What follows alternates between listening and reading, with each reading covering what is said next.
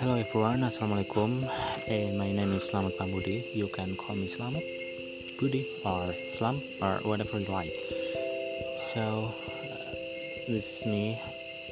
I just made my podcast. Maybe in this channel I will I will post my podcasts